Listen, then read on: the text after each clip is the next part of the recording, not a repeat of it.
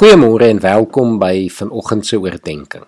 Ek wil vanoggend met jou gesels oor hoe om in God se genade te leef. Die eerste stap is om te weet dat daar geen veroordeling meer oor jou is nie. Jy is vrygespreek op grond van God se genade. Romeine 8 vers 1 sê: Daar is dus nou geen veroordeling vir die wat in Christus Jesus is nie. Ons kan dus sonder 'n skuldige gewete weet ons is vrygespreek. God se genade is vir ons genoeg en nou kan ons die lewe ten volle leef. Ons is terug verwelkom in die Vaderhuis en ons het nie meer die identiteit van sondaar nie, maar wel nou van 'n kind van God. Galasiërs 5 vers 1 sê Christus het ons vrygemaak om werklik vry te wees. Hierdie beteken egter nie ons kan nou maar doen net wat ons wil nie. Ons kan nie dink dat God se genade so groot is dat ons maar doelbewus kan aanhou sondig nie. Dan verstaan ons nie die genade nie en ons leef beslis nie daarbinne nie. Om binne God se genade te leef beteken ons leef toegewyd aan God. 2 Timoteus 1 vers 9 sê: Hy het ons gered en ons geroep om aan hom toegewy te wees.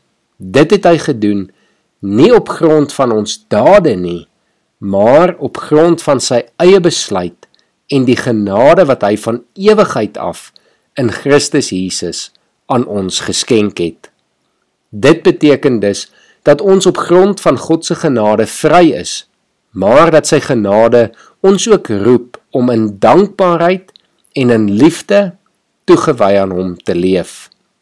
Galasiërs 5 vers 13 stel dit soos volg: Julle is tot vryheid geroep. Moet net nie julle vryheid misbruik as 'n verskoning om sonde te doen nie, maar dien mekaar in liefde. Die hele wet is in hierdie een gebod saamgevat. Jy moet jou naaste lief hê soos jouself.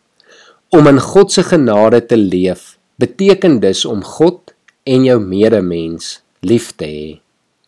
Ongelukkig kry ons dit ook nie altyd reg nie. Maar dan kom die vertroostende woorde van die Here dat selfs wanneer ons swak is, is sy genade nog steeds vir ons genoeg. 2 Korintiërs 12 vers 9 sê: Sy antwoord was: My genade is vir jou genoeg. My krag kom juis tot volle werking wanneer jy swak is.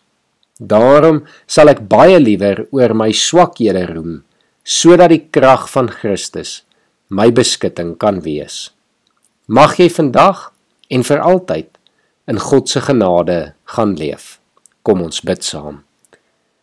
Here baie dankie dat U 'n genadige en 'n barmhartige God is, vol liefde en trou. Here dat U genade vir ons genoeg is, dat U ons vrygespreek het en dat U vir ons nou as geskenk die ewige lewe gee, dat ons daarin kan lewe. Here help ons dan om dit te doen deur toegewyd aan U te wees, om U terug lief te hê en om ons medemens lief te hê soos wat U hulle liefhet. Ons dankie daarvoor, Here, en ons bid dit in Jesus se naam. Arming.